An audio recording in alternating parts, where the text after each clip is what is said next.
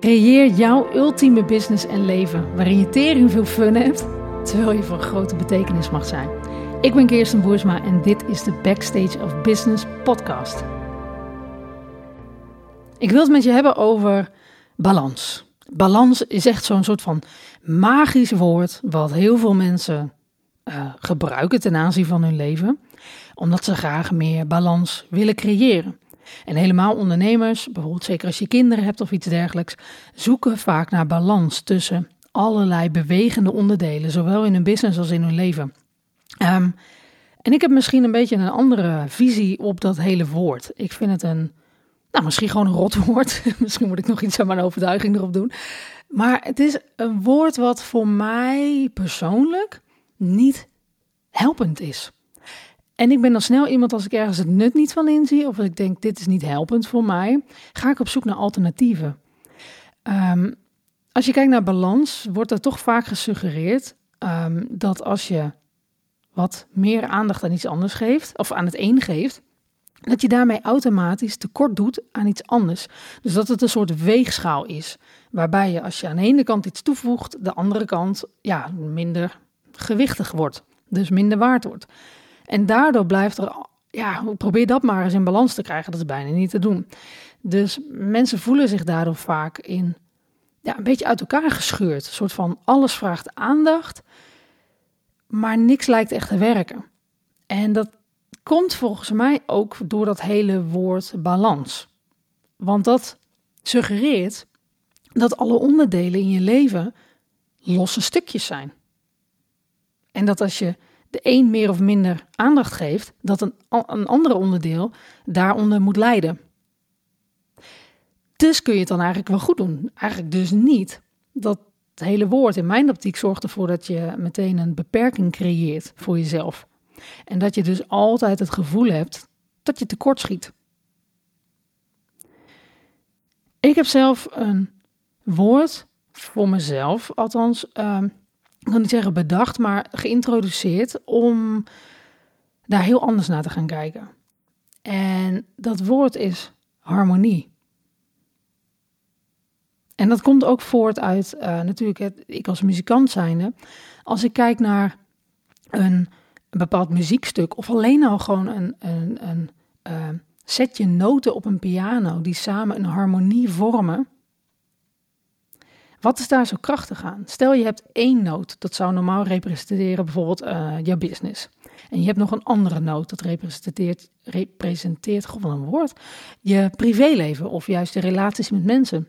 En je hebt nog een noot, die representeert je fysieke gezondheid of hoe goed je voor jezelf zorgt. En je hebt misschien nog een noot, dat staat voor je um, financiële uh, vrijheid of buffer, of hoe je het ook maar ziet, in ieder geval op financieel vlak in je leven dat kan als dat bij elkaar goed past, een hele mooie harmonie vormen.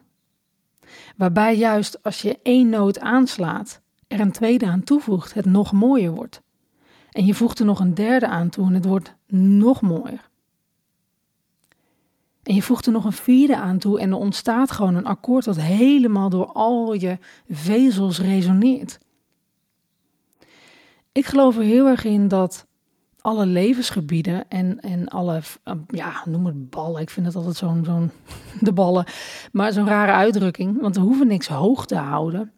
We mogen het gewoon creëren zodat het in harmonie met elkaar is. En dat juist als je één onderdeel meer aandacht geeft, het geheel versterkt in plaats van verzwakt.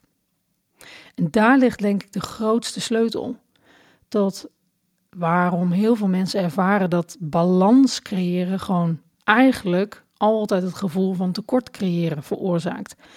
En ik geloof heel erg in dat als je goed voor jezelf zorgt, dat het impact heeft op hoe je voor je business bent, hoe je voor je klanten bent. Dat dat impact heeft op hoe je voor je gezin bent. Dus kun je ernaar gaan kijken als een soort harmonie, waarbij als jij een nood versterkt en toevoegt, dat het geheel sterker wordt. Dus hoe sterker jij die onderdelen maakt, des te krachtiger wordt uiteindelijk het geheel ook weer.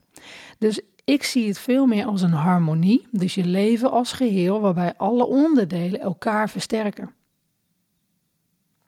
Het is voor mij een hele helpende metafoor om dus ook de juiste keuzes te blijven maken. Dus als ik merk dat in een bepaald levensgebied daardoor een zwakte uh, ontstaat op een ander levensgebied, dan is het misschien de bedoeling dat dat helemaal niet bij mijn harmonie hoort. Dat het een dissonant creëert en de harmonie uh, zwakker maakt. Dus ik hoop dat dit een manier is voor jou ook om misschien anders te gaan kijken naar balans, het woord balans. En of het misschien voor jou ook een meer helpende gedachte is om al die onderdelen als een harmonie te gaan zien en die harmonie bovenal, zodra je één noot daarin versterkt of toevoegt, het geheel krachtiger wordt. Krachtiger wordt. In plaats van in balans dat je altijd het idee hebt dat als je één ding versterkt, het ander zwakker wordt. Nou, dit is iets waarmee ik jou gewoon lekker de wereld in wil sturen. Mag je zo over gaan filosoferen. Je gedachten op loslaten. Kijken hoe dat voor jou in elkaar zit. En waar je misschien al gebieden kunt ontdekken voor jezelf. Dat je denkt, hé hey, verrek, hier ben ik in harmonie. Met mezelf en, mijn omgeving en mijn business. Hierin merk ik dat als ik dat doe, dat dat sterker wordt.